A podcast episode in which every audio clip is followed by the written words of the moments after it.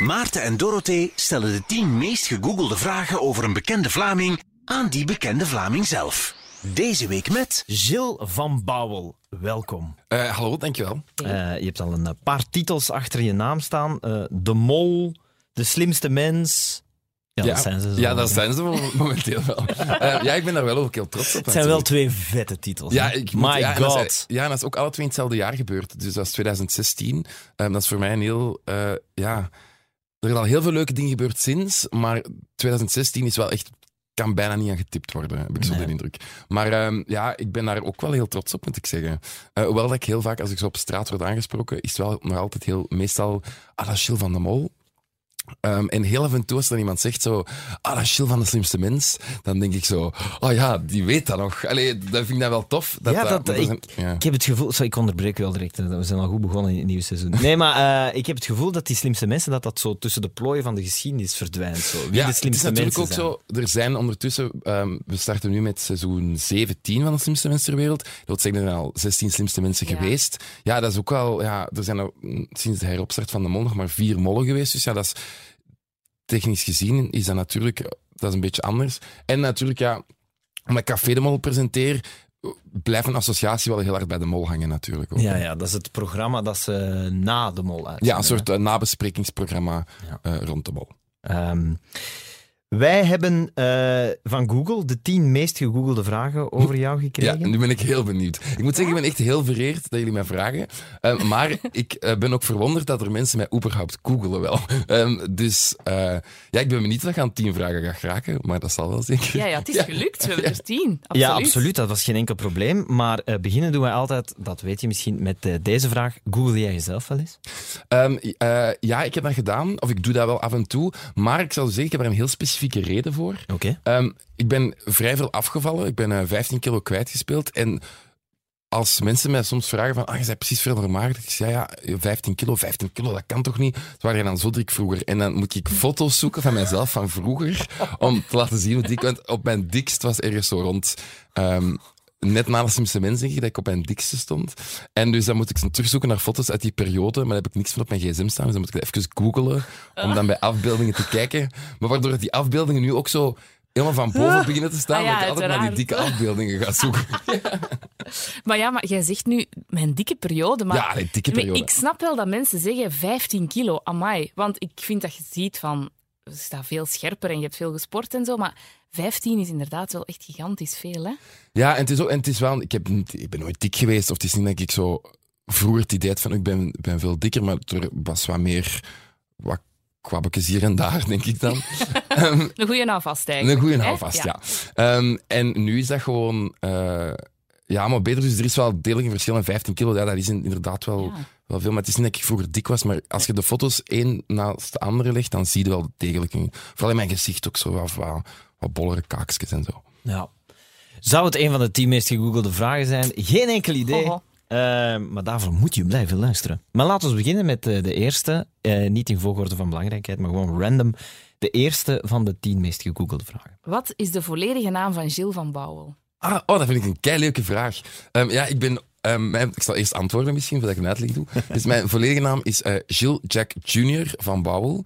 Um, en eigenlijk is dat een kleine leugen. Ik zal ze iets zeggen omdat dat een leugen is. Um, teasing, teasing. Ja, maar zeg gewoon ja, veel redenen om te blijven. Ja, ja, ja. um, nee, maar ik, mijn ouders hebben heel lang getwijfeld tussen, um, tussen Jack als naam ook, omdat eigenlijk is dat een bijnaam van mijn papa. Um, dus die zat vroeger met, die, mijn papa heet Erik en die zat met zeven of acht Erik in de klas en die had allemaal een bijnaam. Mm -hmm. En dus zijn bijnaam was Jack en dus mijn, de vrienden van mijn papa kennen mijn papa ook allemaal als Jack.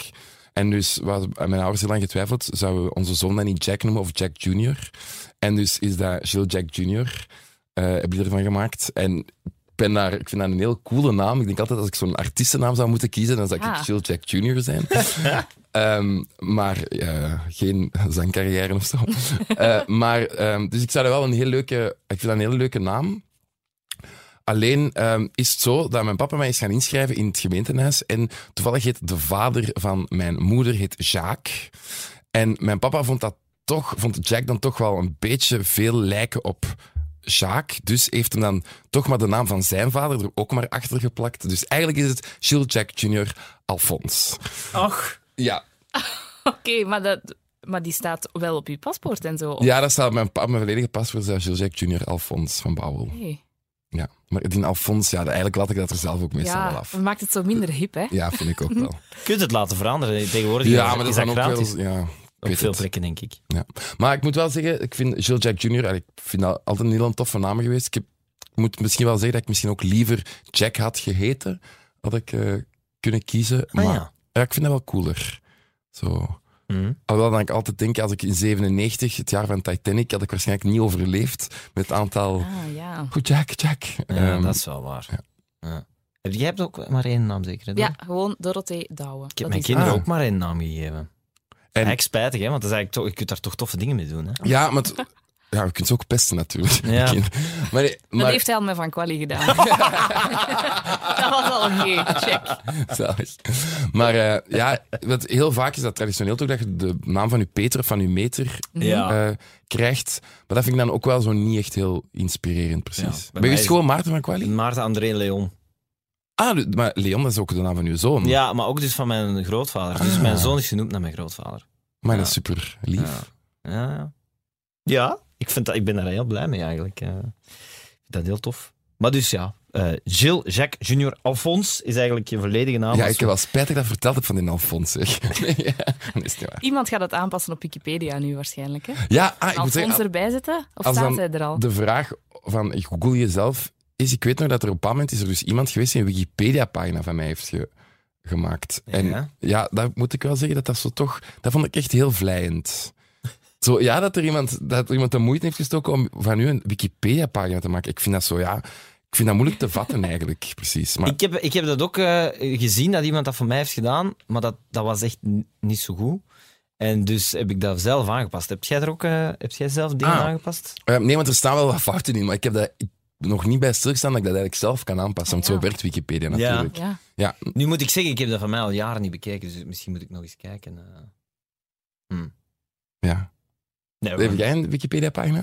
ja, ik weet ook niet hoe die daar beland is of zo, Ah, ja. maar er staan wel geen fouten op. Ja, maar vind je dat dan niet heel vlijend als er iemand voor nu Ja, een ik vond dat wel zot. Ja, Ja. maar dat is denk ik, ik weet dat niet, wij zijn ook wel toch opgegroeid echt met Wikipedia. Allee, Ja. met, voor, allee, dat was toch zo het eerste ding en dan begon je Mhm. dat op te zoeken en dan had je een eerste laptop en dat soort dingen. Ja. Ik denk dat dat daarom nog zotter is. Om zo ineens ook op Wikipedia Ja. te staan. En daardoor antwoordt Google Home als je vraagt hoe oud is Dorothee Douwe? De tweede vraag misschien. Ja, goed. De tweede Is vraag. Gilles van Bouwel de Mol? Ehm, is Gilles van Bouwen de Mol? Ja. Ehm, nu, de laatste drie jaar al niet meer. Maar ehm, ja, ik ben daar wel ooit geweest. Eh, dat is een titel, juist al gezegd, waar ik enorm trots op ben. Ik denk ook, als ik daarop terugdenk of terug naar kijk, dan is...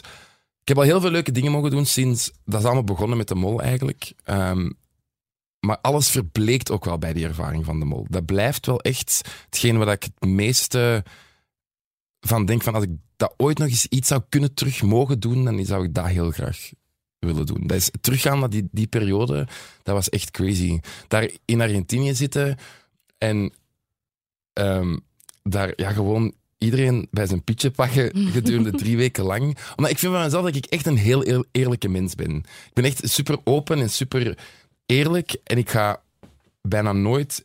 Allee, liegen, ik lieg nooit. Ik lieg echt bijna nooit. Ik vind ook niet dat ik dat heel goed kan. Maar om dan zo'n keer, ja, een keer het klootzakje te mogen uithangen en zo voor vrijstellingen te kiezen, terwijl dat je bij jezelf denkt, normaal gezien zou je dat misschien toch niet gedaan hebben, maar dan nu denk je, nu ga ik hier gewoon de klootzak uithangen, omdat het mag. Ja, ik Ja. vond dat wel heel tof.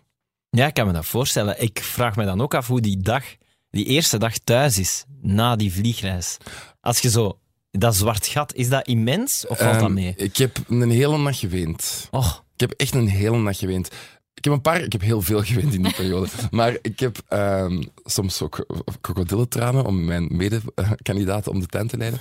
Eh, maar ik heb ook echt oprecht geweend.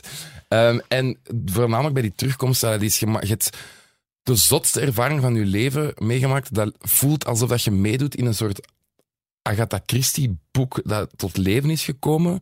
Ehm, en zo voelt dat ook. Hè. Dat is echt dat er zo'n soort murder mystery dat je in zit, waar dat je iedereen, niemand vertrouwt elkaar. En dat gedurende drie weken lang, zo'n rollenspel van drie weken lang. Ehm, en dan is ik weet niet hoe leuk. En ineens ja, komen we terug in de realiteit gedropt worden. Dat is zeer confronterend. En ehm, dus dat vond ik heel moeilijk. En dan de, de moeilijkste periode is eigenlijk tussen terugkomst en de start van de uitzendingen. Want dat is, bij ons was dat twee maanden. Waarbij dat niemand mag weten dat je die zotte ervaring hebt, hebt gedaan. Dus je hebt, je hebt de, de levenservaring van je, of de ervaring van je leven meegemaakt, maar niemand mag dat weten dat je dat hebt meegemaakt. Dus dat is echt een heel moeilijke periode. Dus uw vrienden en familie lezen het bijna in het persbericht? Bij wijze van spreken. Nu Ja. zijn er natuurlijk wel een circle of trustees die het wel wisten, maar, ehm, of die wisten dat ik meedeed. Niemand wist dat ik de mol was. Ehm, maar dan, ehm, ja, die twee maanden, dat is heel, heel, heel, ja, ik vond het echt dat vreten, echt. Ja. En dan stonden de kandidaten in de krant en dan heb ik echt ook weer een hele dag liggen pleiten van ontlading, omdat ik zo... Dat zwijgen dan gedurende heel die uitzendperiode over dat je de mol bent, dat is tof.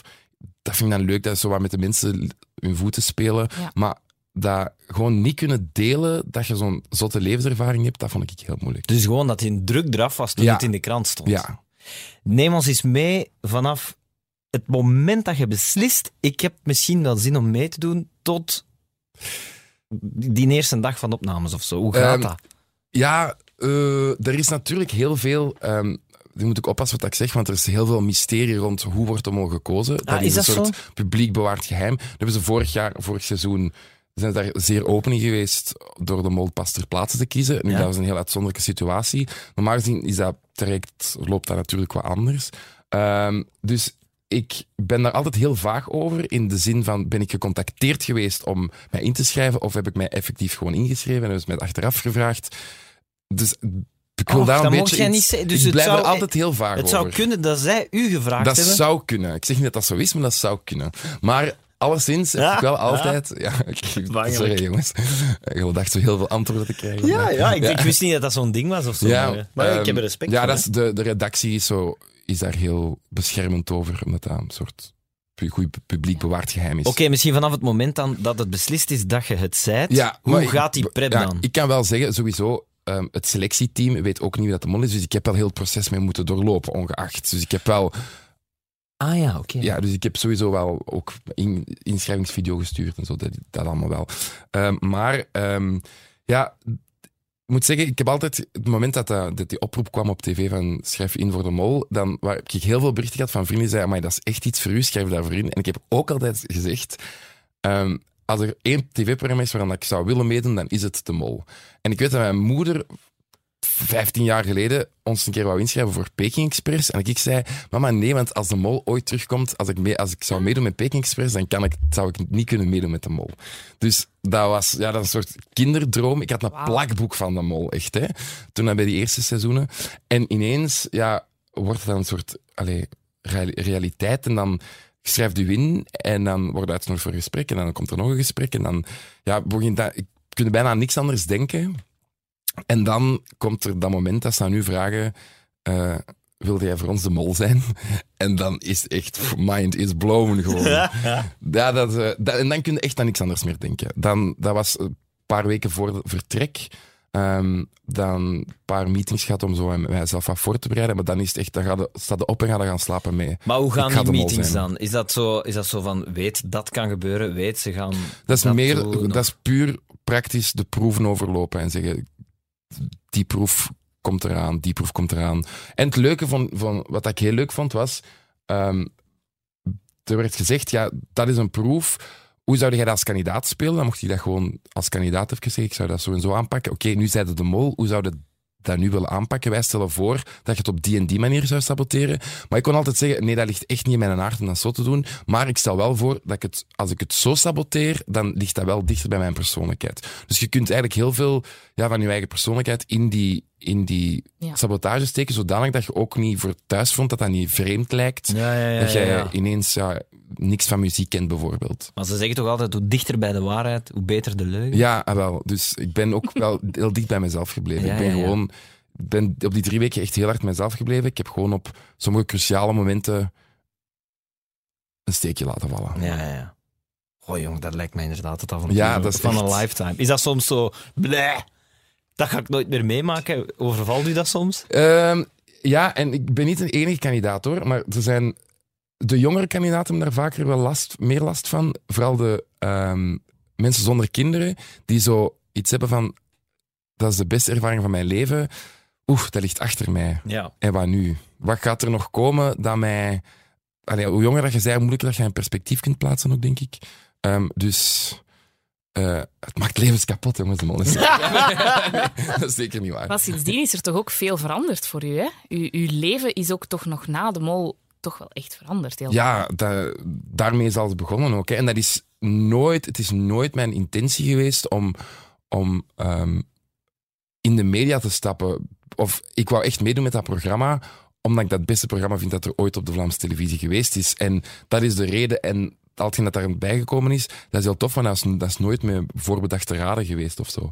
Ehm, en ik ben ja, wel heel blij met alles dat er gebeurd is daardoor. Ja, zo, wat is dat uw job bij Woestijnvis dan bijvoorbeeld? Ja, dus ik ben dan eigenlijk na een paar, eh, na de einde van de, van de, eh, einde van de uitzendingen, ben ik dan door moest bij Woestijnvis wat gesprekken gehad. Ben ik uiteindelijk bij Woestijnvis begonnen, dan Slimste Mens meegedaan, dan Perfect aan elkaar een dame. Allee, ik heb wel van alles mogen doen al en dat is, dat is allemaal dankzij de Molbron. Dus ik ben dat programma enorm dankbaar. En wat ik wel nog altijd heel hard voel, ik ben ik zit nu drie jaar in de media, ehm, ik voel mij nog altijd zo'n beetje kuifje in wonderland. Maar ik vind dat een heel tof gevoel en ik wil dat ook niet kwijtraken. Ik vind dat, dat houdt mij authentiek ergens of zo. Of ik, van het moment dat ik ergens iets vanzelfsprekend ga nemen in al hetgeen dat er nu aan het gebeuren is, dan, dan ben ik het kwijt. Allee, ik wil zo dicht mogelijk bij de grond blijven en niet gaan zweven en voetjes op de grond en nuchter zijn. En allee, ik denk dat, dan, dat dat mij gelukt is om dat tot nu toe te blijven, maar ik wil dat ook zeker en vast zo lang mogelijk blijven vasthouden. Of dat blijven vasthouden. Dus als jij smiddags aan het eten bent, dan is dat oh my god, Mark uitroepen. Ehm, ja, hoe gaat dat dan? Zo weer, heel, de, zo gewoon- heel de dag. Oh my god, Jeroen op. Ja, maar, ja, Oh maar snap je? Je weet, ik Nee. bedoel, dat lijkt me gewoon zo kei moeilijk. Nee, ja, maar nee, je- dat is waar. Je, je hoort wel gewoon aan, aan de mensen of zo. Dus denk ik zo liggen, liggen te fangirlen bij, eh, bij Pedro Elias en zo. Safa wel. Maar ehm, nee, zo wel besef van als ik zoiets leuk mag doen, zo af en toe even stilstaan en zo twee handjes kussen en zeggen van, amai, echt, wat, wat, doe ik, wat voor toffe dingen doe ik eigenlijk? Ook, allee, ik werk nu achter de schermen van de slimste mensen ter wereld, ben mee vragen aan het verzinnen voor het komend seizoen.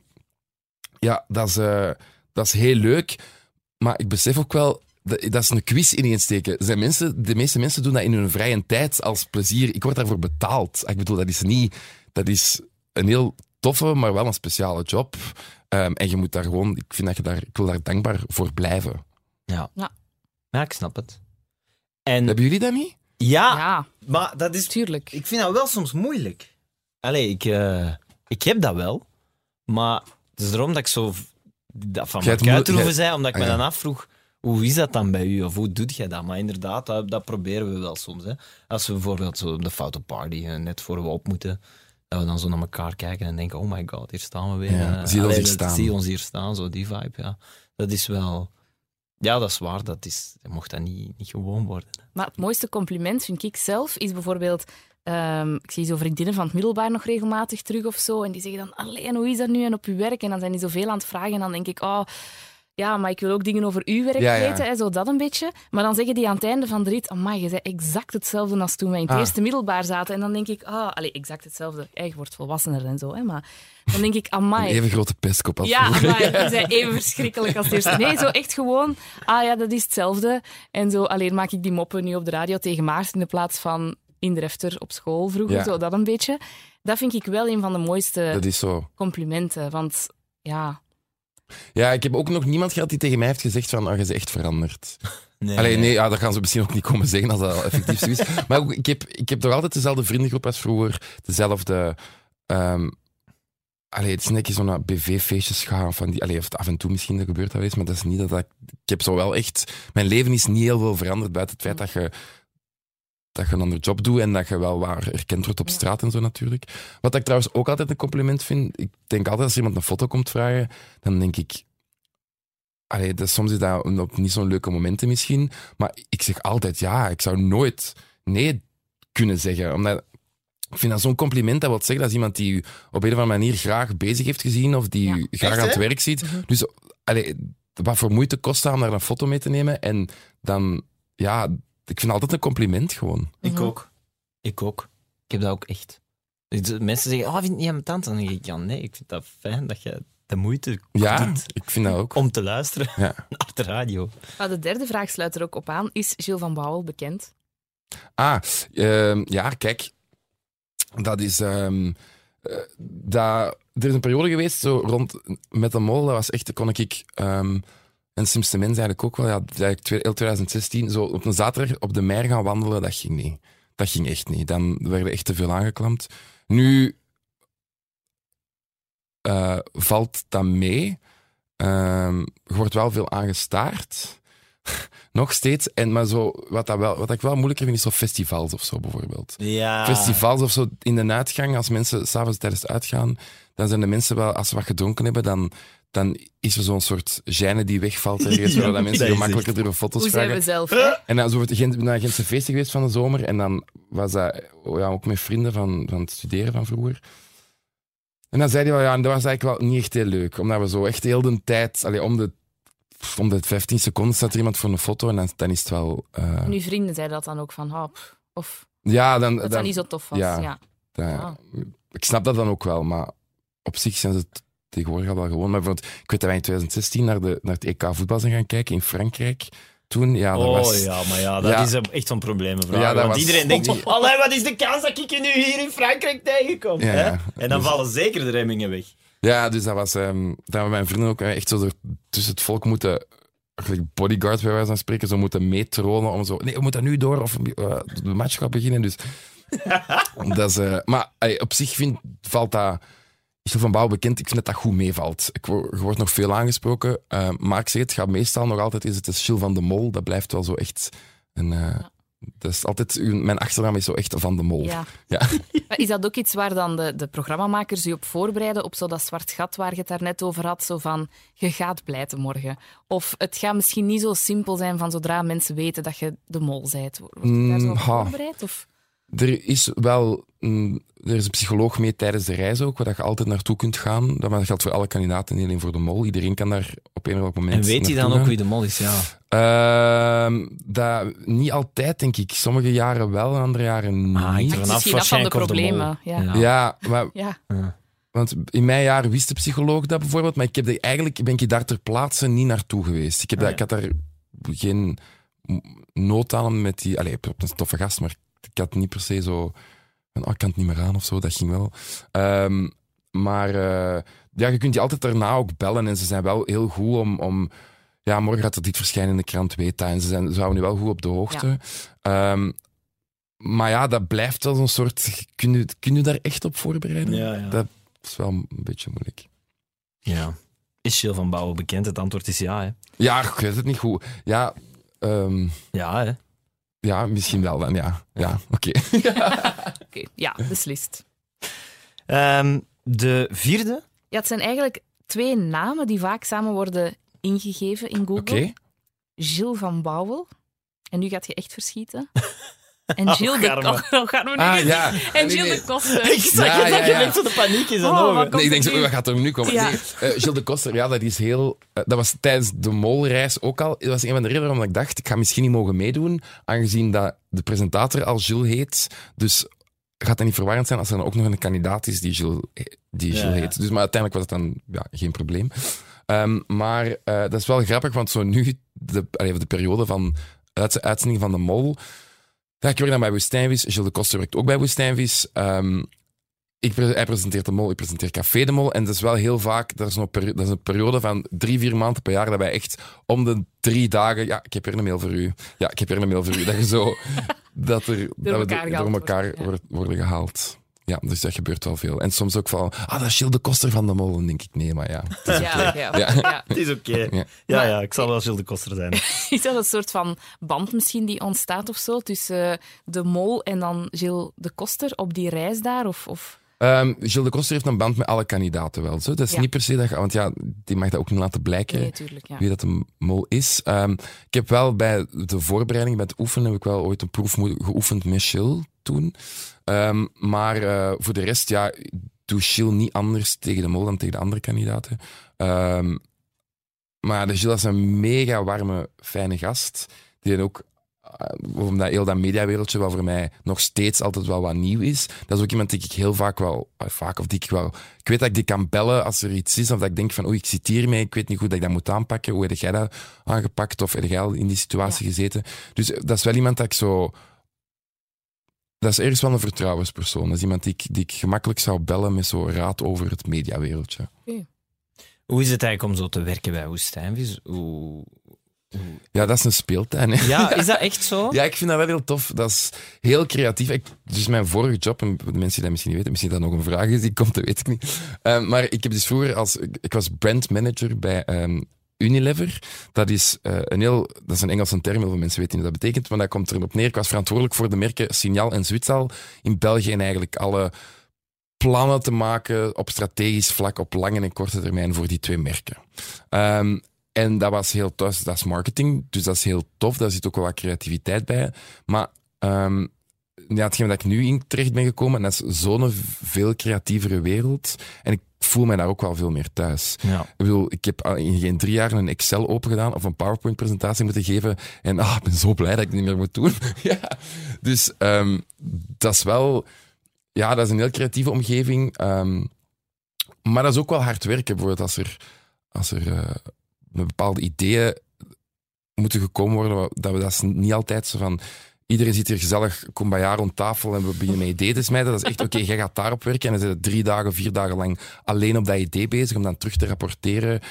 Omdat, dus het is heel creatief, maar het is ook wel... Allez, je moet er je brein wel echt voor gebruiken. Maar ik vind dat heel tof. En het is heel gevarieerd en ik leer heel veel bij. En dat is ook de reden um, waarom dat ik bij Woestijnvis ben begonnen. Is, de bedoeling is ook ook al komt misschien op het scherm af en toe, ze willen in eerste instantie is iedereen daar redacteur en iedereen werkt daar achter de schermen.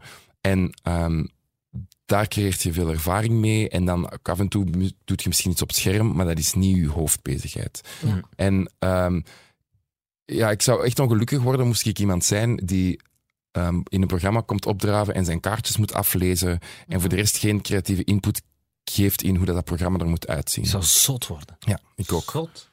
Maar ja, want dat dat, ik denk dat dat bij jullie ook wel toch is op de radio, dat jullie zelf mee Ja, beslissen van onze inhoudelijk moet ons programma er zo uitzien. Ja, wij, Ja.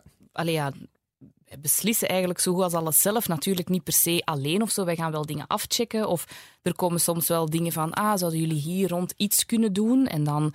Maar eigenlijk, in die end, komt het altijd wel van... Is het wel een idee van ons? Of, of dat we samen met collega's hebben gehad en zo. Wij kunnen echt gewoon ons programma maken. Ja. En niet per se met ons twee alleen. Want heel veel mensen komen met ideeën en werken wel mee. Maar dat is wel echt super tof. Ja, dat Zie dat wij ik. toekomen om vier uur en dat iemand dat heeft gemaakt of zo. Nee, maar dat, zou- daar zou je toch, zou vinden. ongelukkig van worden. Moest, moest enkel zo het gezicht of de stem zijn. Ja? Ehm, ja, dat, dat vind ik gewoon ook heel tof. Aan Café de Mol, dat is een programma dat bestond nog niet. We hebben dat eigenlijk van nul opgestart. Daarmee vorm kunnen geven. Ehm, en ik moet wel zeggen, de kerst op de taart dat je dat mocht presenteren, dat is heel tof. Maar ik haal daar het meeste voldoening uit dat ik daar redactioneel ook gewoon een hele grote input heb. Of dat ik daar mee, mee beslis. We maken dat programma met vier eigenlijk. Ehm, ja, dat, en dat is gewoon echt heel tof. En dat is geen dat ik ook, ook wil blijven doen in de media. is wel voornamelijk achter schermen wel, wel mijn strepen verdienen. Ook op het scherm komen, dat is heel leuk. Maar daar, daar zit een houdbaarheidsdatum op. Dat is voor iedereen zo. Ehm, en ik wil, ik weet niet, voor hetzelfde geld is dat morgen. Voor hetzelfde geld is dat over tien jaar, dat weet je niet. Ehm, het duurt al drie jaar, ben daar heel blij mee. Maar ehm, ik wil voornamelijk ook wel dan als het moment daar komt dat het misschien niet meer interessant is om mij op het scherm te krijgen, dat ik wel zoiets heb van oké, ik heb nu genoeg ervaring in de media achter de schermen opgebouwd om ook wel daar verder mijn plan te kunnen blijven trekken. Omdat ik die job inhoudelijk ook gewoon zo leuk Ja, vind. Los van op het scherm te komen. Door te groeien of zo. En dan daar- daarin ja. meer te kunnen doen, ja. Dus voor Café de Mol schrijft je zelf je teksten. We zijn, ja, hangt er wat vanaf. Dus we zijn, ehm, wij zijn met. eh, ik ben niet zo'n goede moppenschrijver, dat geef ik eerlijk toe. En dus de moppen, dus de eindredacteur is die, die voornamelijk met de scripts bezig is.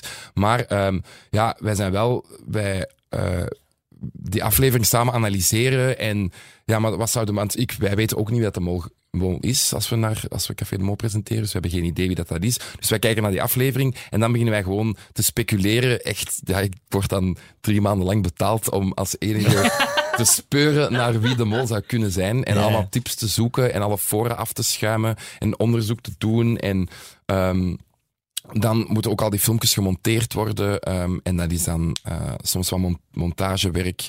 Dus dat is, dat is heel gevarieerd. ehm, en dat vind ik gewoon ook heel tof. Tof. Ja. Klinkt ook heel tof. De vijfde vraag. Wat heeft Gilles van Bouwel gestudeerd? Ah, oké. Ehm, ik heb... ehm, ik zal beginnen bij het begin. Allee, ja, dus toen ik een klein kleuter was, nee, is waar. Ehm, ik heb in het middelbaar heb ik Latijn wiskunde gedaan. Ehm, en eh, ja, ik ben altijd wel... Ik ben een beetje een strever geweest, altijd. Dat is in alles dat ik doe. Ik kan niks, ik kan niks halfse doen. Ik, kan, eh, ik doe liever iets niet dan dat ik het halfse gaat doen. Dus als ik iets doe, dan is het alles voor 100%. Dat was in het studeren ook. Dus ik ben eigenlijk altijd wel een vrij goede student geweest. Zo een die heel aanwezig in de klas altijd zijn hand opstak. Een beetje zo'n halve zeute, denk ik dan. Maar wist Eh, je het ook zo wat van jezelf? ja, ik ben ja. aan het streven, want je hebt ook mensen die het niet doorhebben. Ja, en die dan zo zeggen, oh my god, waar zit jij al? Ik zit nog maar op pagina Nee, 300, nee, dat- zo om nee, ik drie heb- uur in de namiddag, zo dat soort mensen. Nee, ik heb Oh, nooit stress gehad. Nee, maar ik, ik was bijvoorbeeld in, de- in middelbaar was ik altijd, ja, ik was heel gedisciplineerd. En ik bedoel, ik ging eerst mijn huiswerk maken en dan pas daarna ging ik ontspanning doen. Terwijl heel veel mensen beginnen met ontspanning dan zo, ah nee, Yep. ik moet dan last minute nog mijn huiswerk maken. Ja, dat was bij mij niet. Bij mij was dat eerst mijn huiswerk en dan daarna zie ik wel wat ik, wat ik vrije tijd heb. Ehm, en dan ben ik na het middelbaar, ehm, wou ik eigenlijk heel graag ehm rits gaan doen. Ehm, dat is een soort, ja, Ja, ik heb iets gedaan. Ah, ja. ja, ja, ja. Allee, voor radio. Ik, eh, Ja, ik wou dat heel graag doen. Maar mijn ouders zeiden, ja, je hebt de... eh, eh, mijn ouders zijn zeer risicoavers. en die, om het lichtjes Ja. zacht uit te drukken. Ja. En die hebben, ja, je hebt, je hebt de, de capaciteit om een diploma te gaan met meer jobzekerheid. Ehm, dus we vinden dat je eerst zo'n diploma moet halen en dan daarna moet je, ehm, mocht je kiezen wat dat je nog wilt doen. Maar eerst moet je wel een, een diploma met veel werkzekerheid Ja. halen. Dus ben ik handelsingenieur gaan doen. Wat dat eigenlijk een beetje je keuze uitstellen is, want dat is heel veel wiskunde, dat is heel veel Ja. talen, dat is heel veel economie en dat is heel veel wetenschappen. Dus eigenlijk is dat gewoon uw voortzetting van uw middelbaar en dat is uw keuze uitstellen. Ja. Dus ja, Want dat- wat wat wou je doen aan het rits? Eerder tv of... ehm, ik wou regie dan doen. Ja. ja. Ehm, maar eh, Dat is toch grappig, hè? Als je echt weet wat je wilt, dat... Ja, dat, je, zit, je zit er nu. Je ja, doet op regie een nu of andere eigenlijk, vreemde manier ben ik er dan, dan Ah, ja. toch, toch in beland. Maar dat is, ja, ik zeg het. En ik zeg het nogmaals, dat is niet mijn voorbedacht raden geweest dat ik de, de mol heb meegedaan, dat dat dan toch een soort droom die Nee, werkelijkheid maar dat is net werd. mijn maar, punt. Omdat je dat zo graag wilt, dat, dat zonder voorbedachte raden, dat je er dan toch Ja. recht terecht komt. Ja. Dus dat, ik zeg het, dat is altijd zo, nog altijd elke dag knijpen en zo denken, maar wat de fuck ben ik aan het doen? maar, mag ik Fox zeggen in een podcast? Ja, oké, kijk goed. Ehm, en ehm, als ik te lang aan het vertellen ben, moet ik het zeggen, hè, maar ik vind... ik vind- Oké. Helemaal Ehm, niet. En dan heb ik ehm, dus handelsingenieur, handelsingenieur gedaan. En dan heb ik eigenlijk een beetje een soort identiteitscrisis gehad in mijn derde of vierde jaar. Omdat ik besefte, shit, ik kom nu aan het einde van mijn studies. En ik ga nu wel moeten beslissen wat ik ga doen met mijn leven. En niet mijn keuze nog eens uitstellen.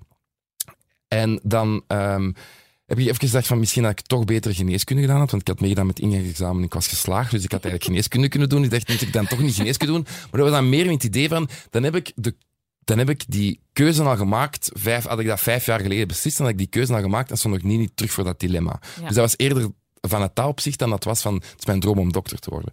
En dan ben ik, ehm, ben ik ehm, een, master, ik een master in filmproductie gaan doen in, ehm, in Parijs. Maar daar ben ik niet binnengeraakt.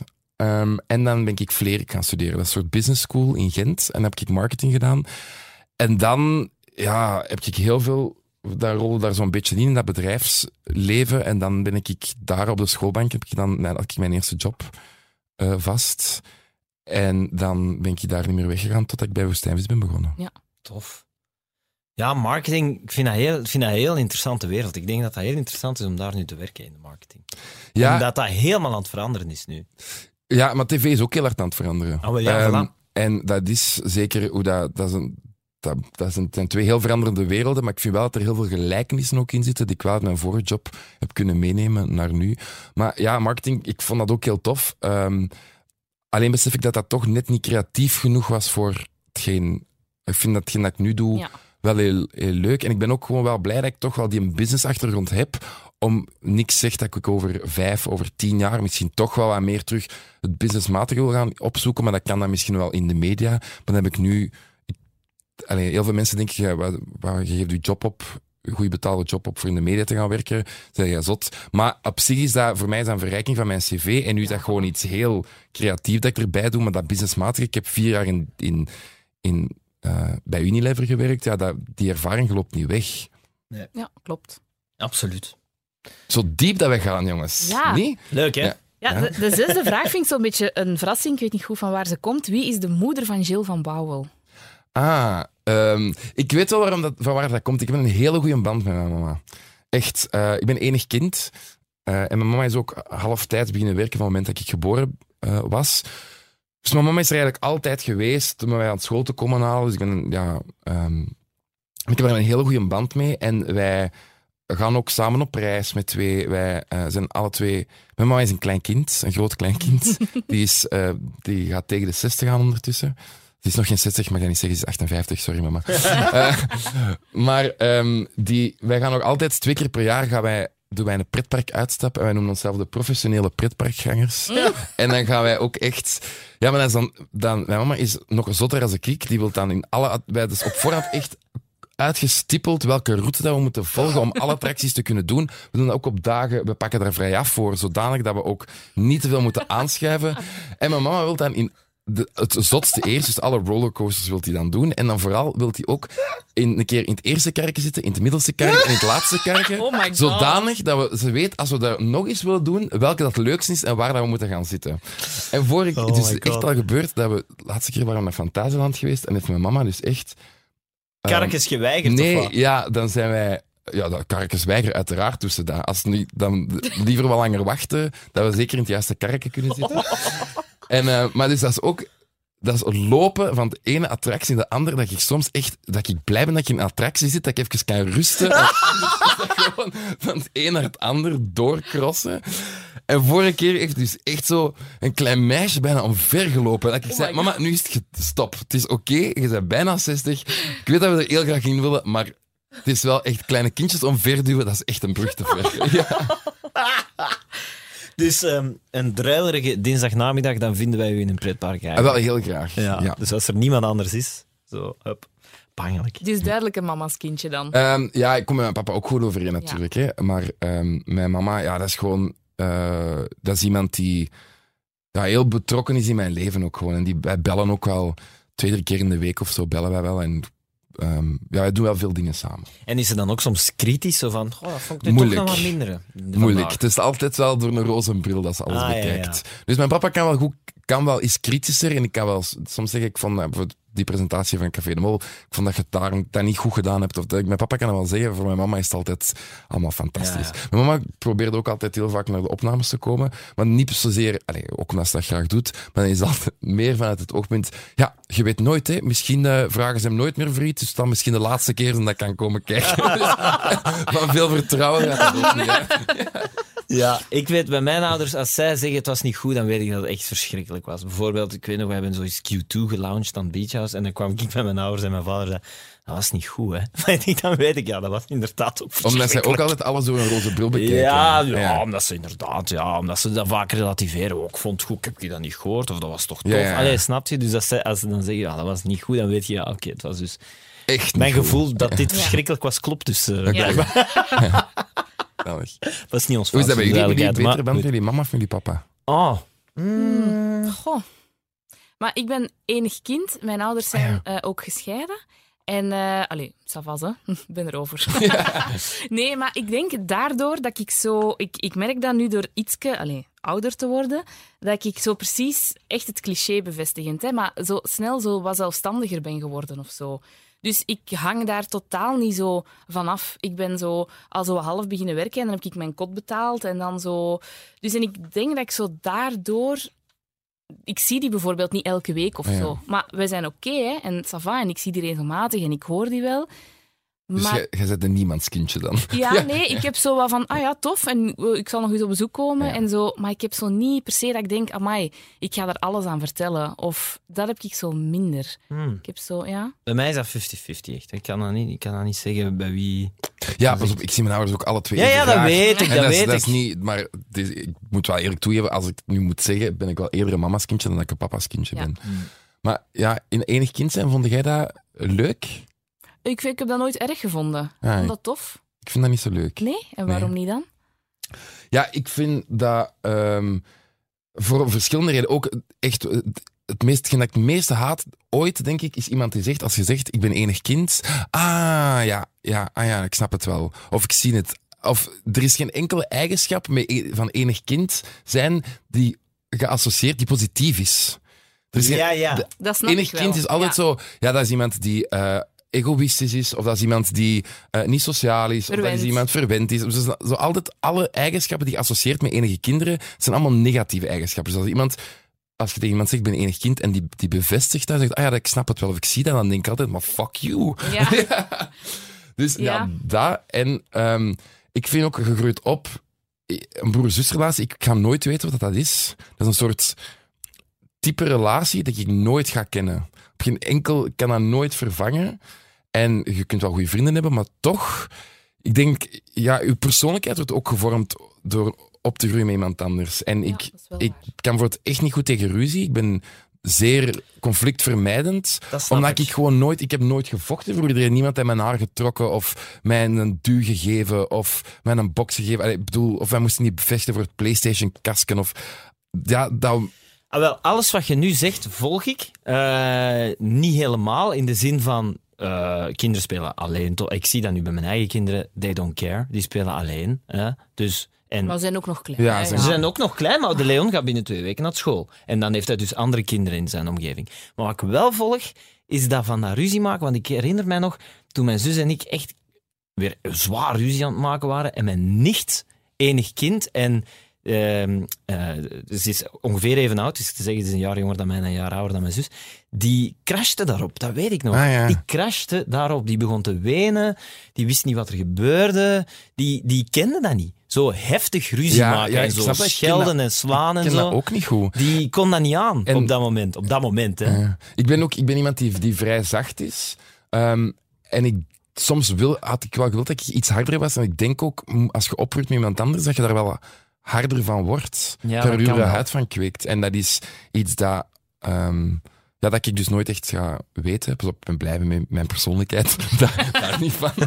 Maar, eh, en dan, ja, vooral wat ik nu heel veel moeite mee heb, is het idee dat ehm, als mijn ouders het moeilijker gaan krijgen, of die worden fysiek zwakker of mentaal zwakker, of, dan, ja, die zorg die gaat op mij komen. Ehm, en als die op een bepaald moment er niet meer zijn, dan ga ik, ik dat verlies ook alleen moeten dragen. En ja. er is wel, je, je hebt waarschijnlijk wel een partner waarmee dat je dat kunt, kunt delen, maar toch is dat, ja, dat is anders dan niemand die met u is mee opgegroeid onder hetzelfde dak en die die mensen ook even goed kent.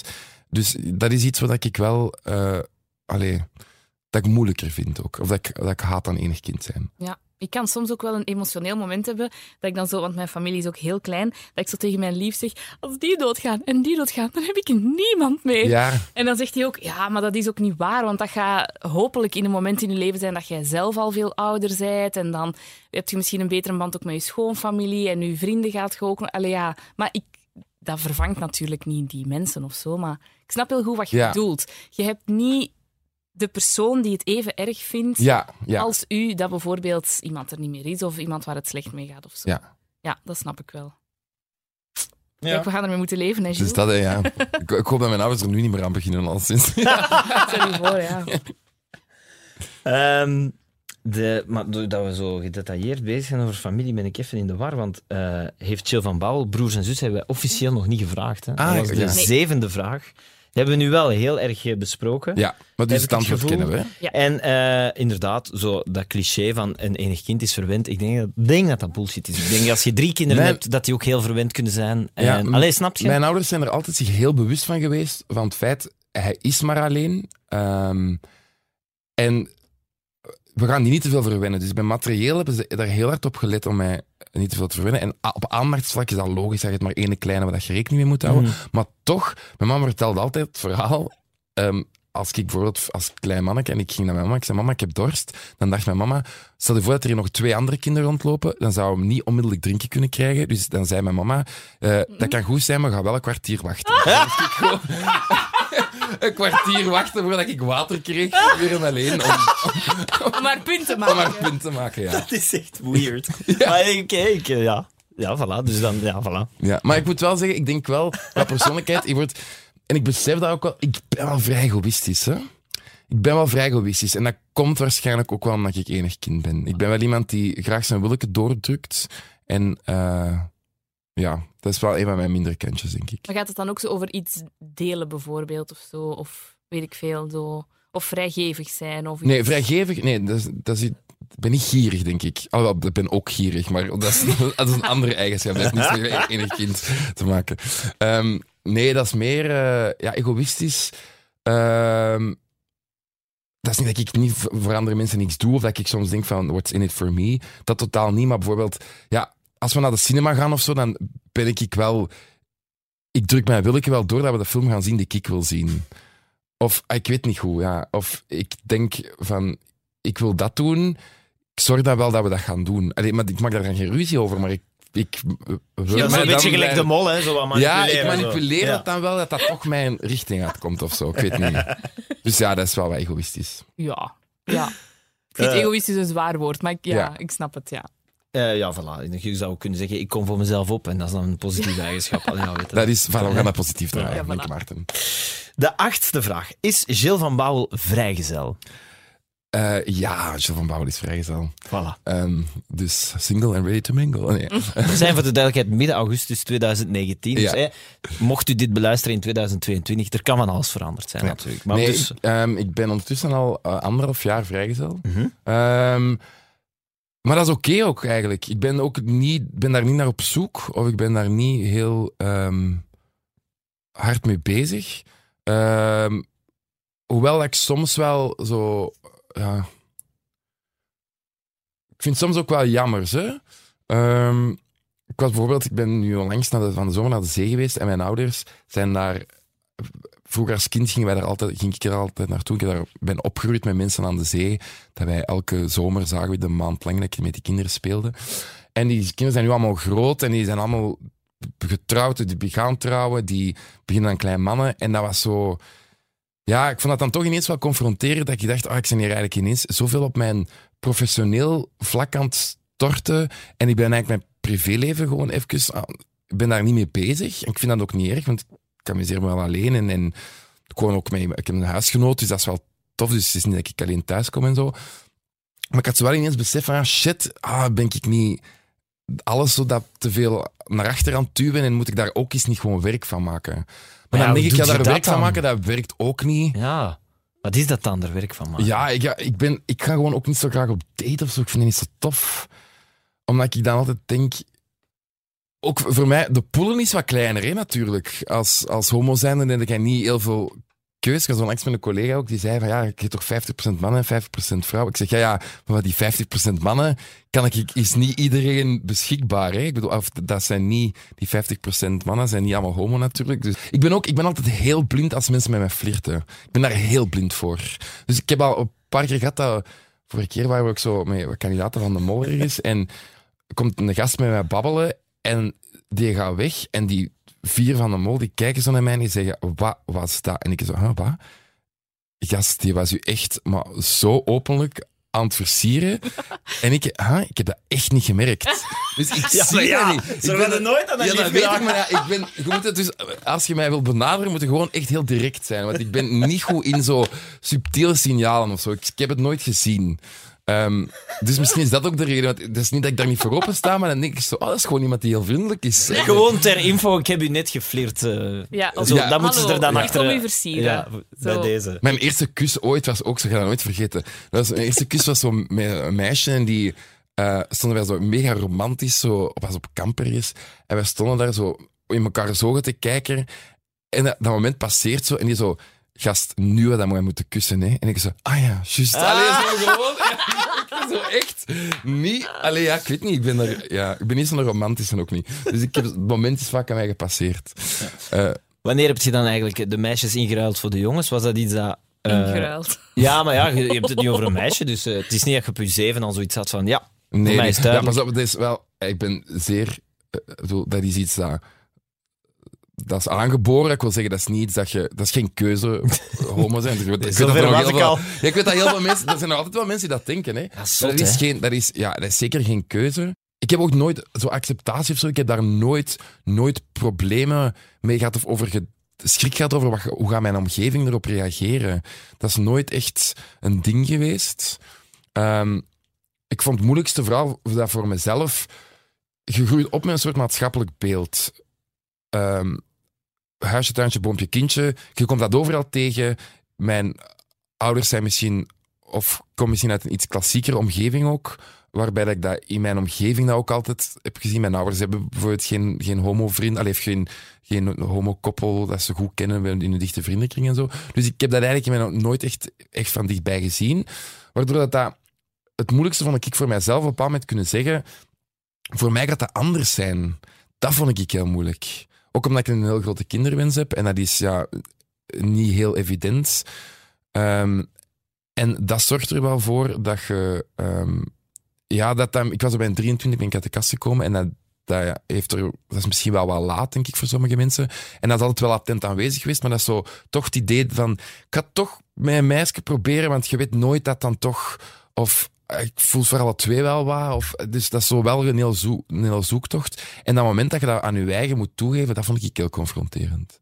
Dus eigenlijk stel dat bijvoorbeeld in lagere school, in van die leerboeken, zo op een bepaald moment heel casual zo een kindje twee mama's zou hebben of twee papa's, dat zou echt een impact hebben. Ja, ik denk dat wel. Ik weet dat niet. Ja, ik vind dat heel moeilijk om dat in die situatie.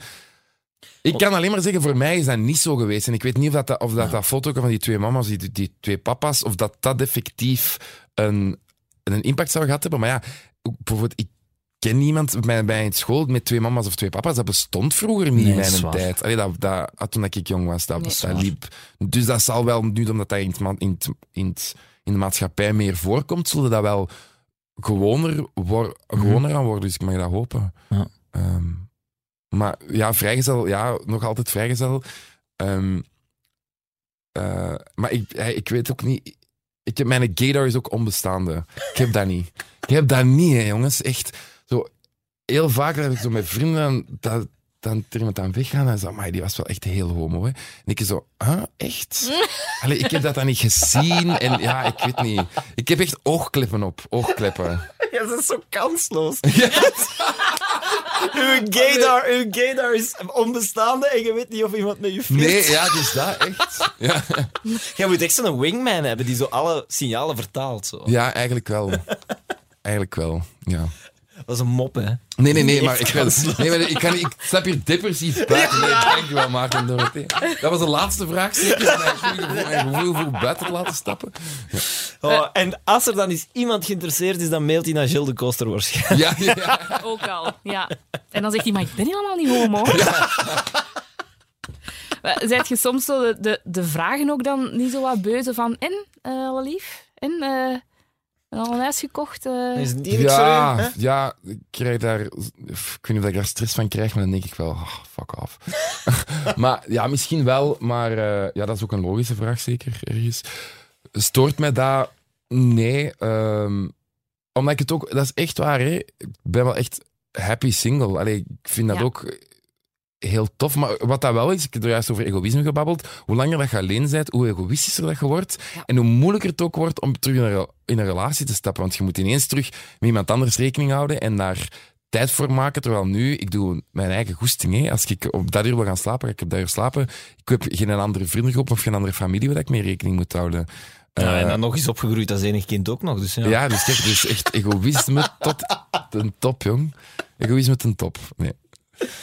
Oh, nee, dat komt, dat komt allemaal wel goed. Ja, ah, ze biedt een knuffelen, jongens. De voorlaatste, de negende vraag. Waar woont Gilles van Bouwel?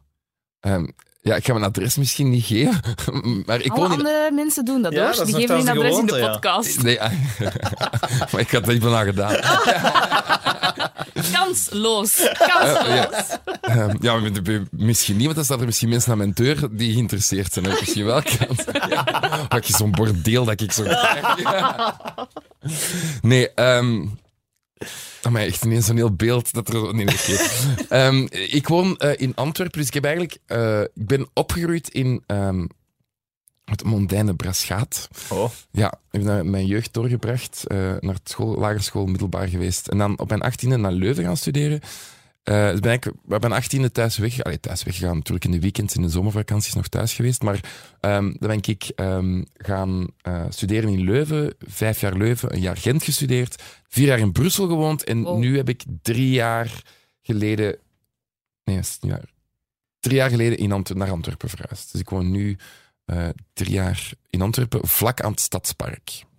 Wat dat Ah, wel Tof. ja, dat is heel leuk. Want ik kijk eigenlijk op het groen van het Stadspark, maar ik zit vlakbij de Meijer, Theaterplein, ehm, het Centraal Station. Ik ben met een auto ook heel snel weg naar de, op de autostrades. Dus dat is eigenlijk echt heel ideaal. Ehm, ook heel blij dat ik, daar, dat ik dat gekocht heb. Ehm, en, dus ik woon daar ondertussen al drie jaar. Ja. En ik heb nu mijn boekenkast geïnstalleerd. Allee, een een, eh, wanneer was dat?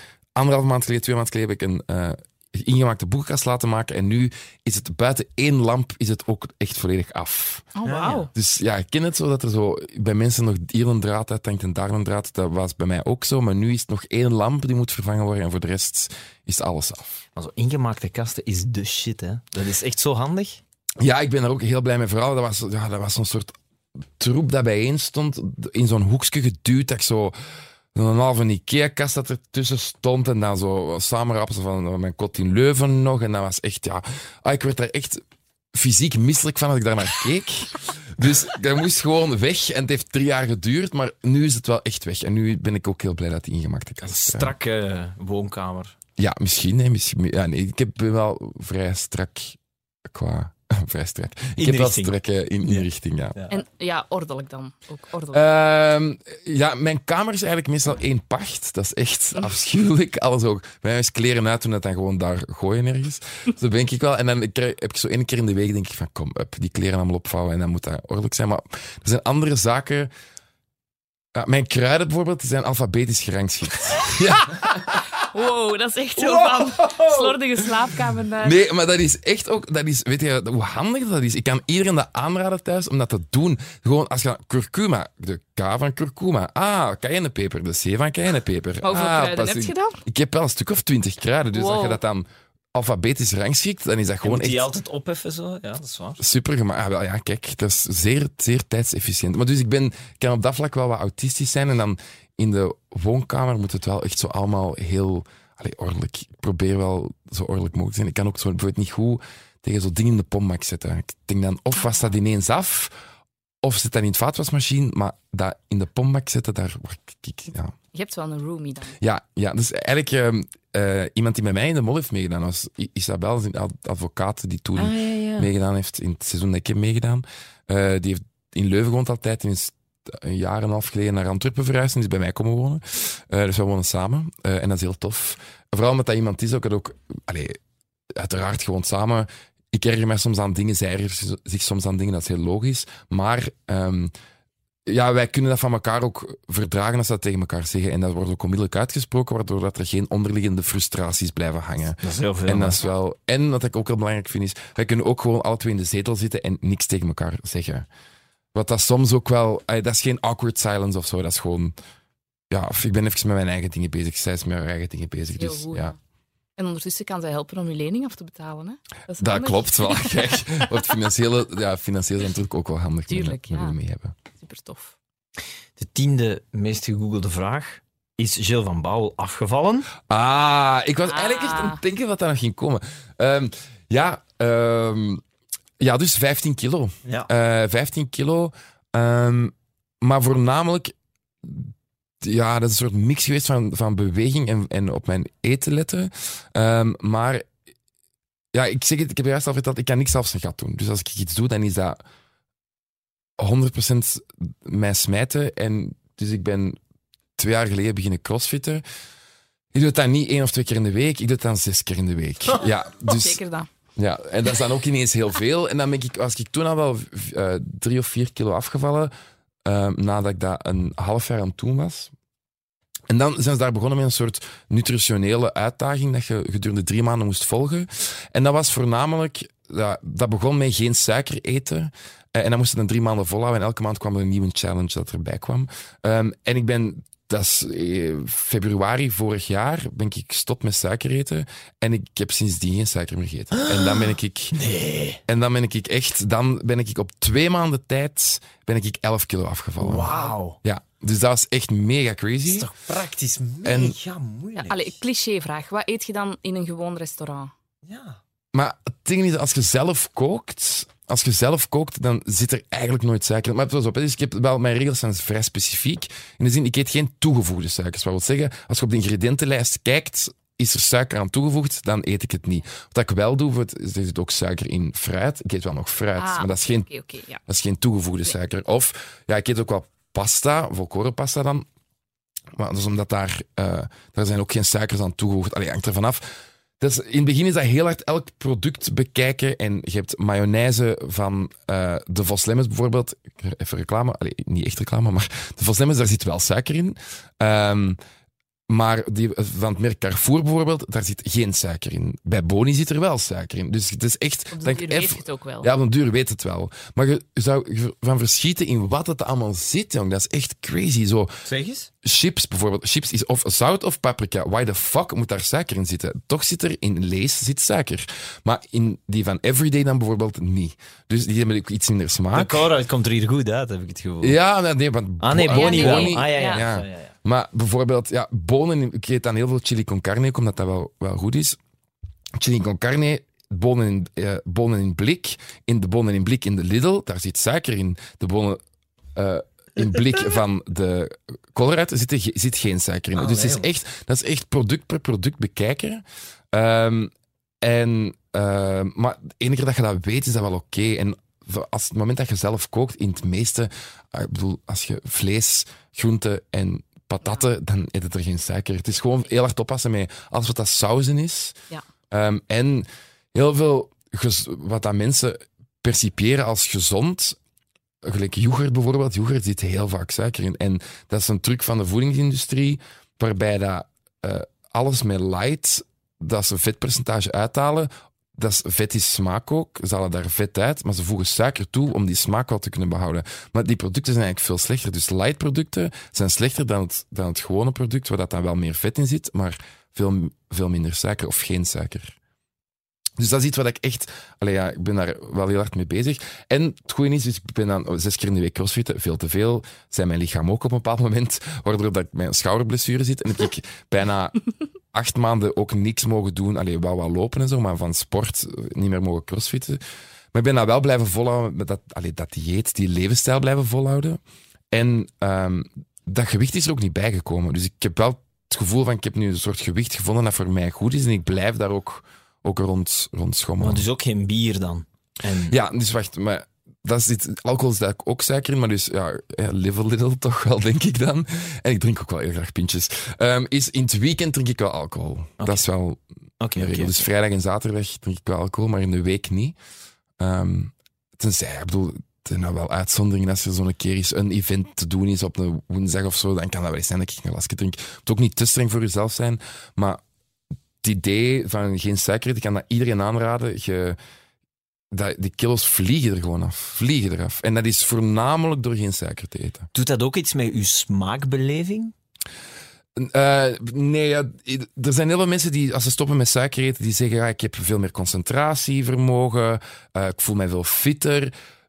Dat heb ik wel niet. Ik heb niet de indruk dat, ik zo, dat dat mentaal echt een impact heeft gehad. Eh, maar ja, fysiek wel. Maar het is niet zo dat je iets kunt proeven. Oh, dat is zoet. Terwijl de rest denkt, oh, Ja, nee, voor, als ik nu een gewone cola drink, en ik drink dan wel cola zero, wat eigenlijk ook niet echt goed is, maar ik drink wel cola zero. Als ik nu een gewone cola drink, ja, het is niet dat ik dan denk van, ah, dat plakt of dat is dan heel zoet. Dat heb ik dan ook wel weer Ah, nee, oké, oké. Nee. Maar, eh, dus ja, ik kan dat iedereen aanraden. Dat is eh, het, iets dat ik gevonden heb, precies, dat voor mij heel hard werkt. En dat, eh, ja, heel af en toe heb ik nog een cheat day. Maar dan denk ik ook zo... Heb nou wel eens, denk ik, zo zin in een ijsje. Maar ook, je hebt ook heel veel suikervrije producten. Je hebt suikervrij ijs, je hebt suikervrije chocolade, suikervrije choco. Dus dat heb ik wel allemaal staan. Ehm, maar soms denk ik dan van, ah, ik heb zo bijvoorbeeld zin in tiramisu.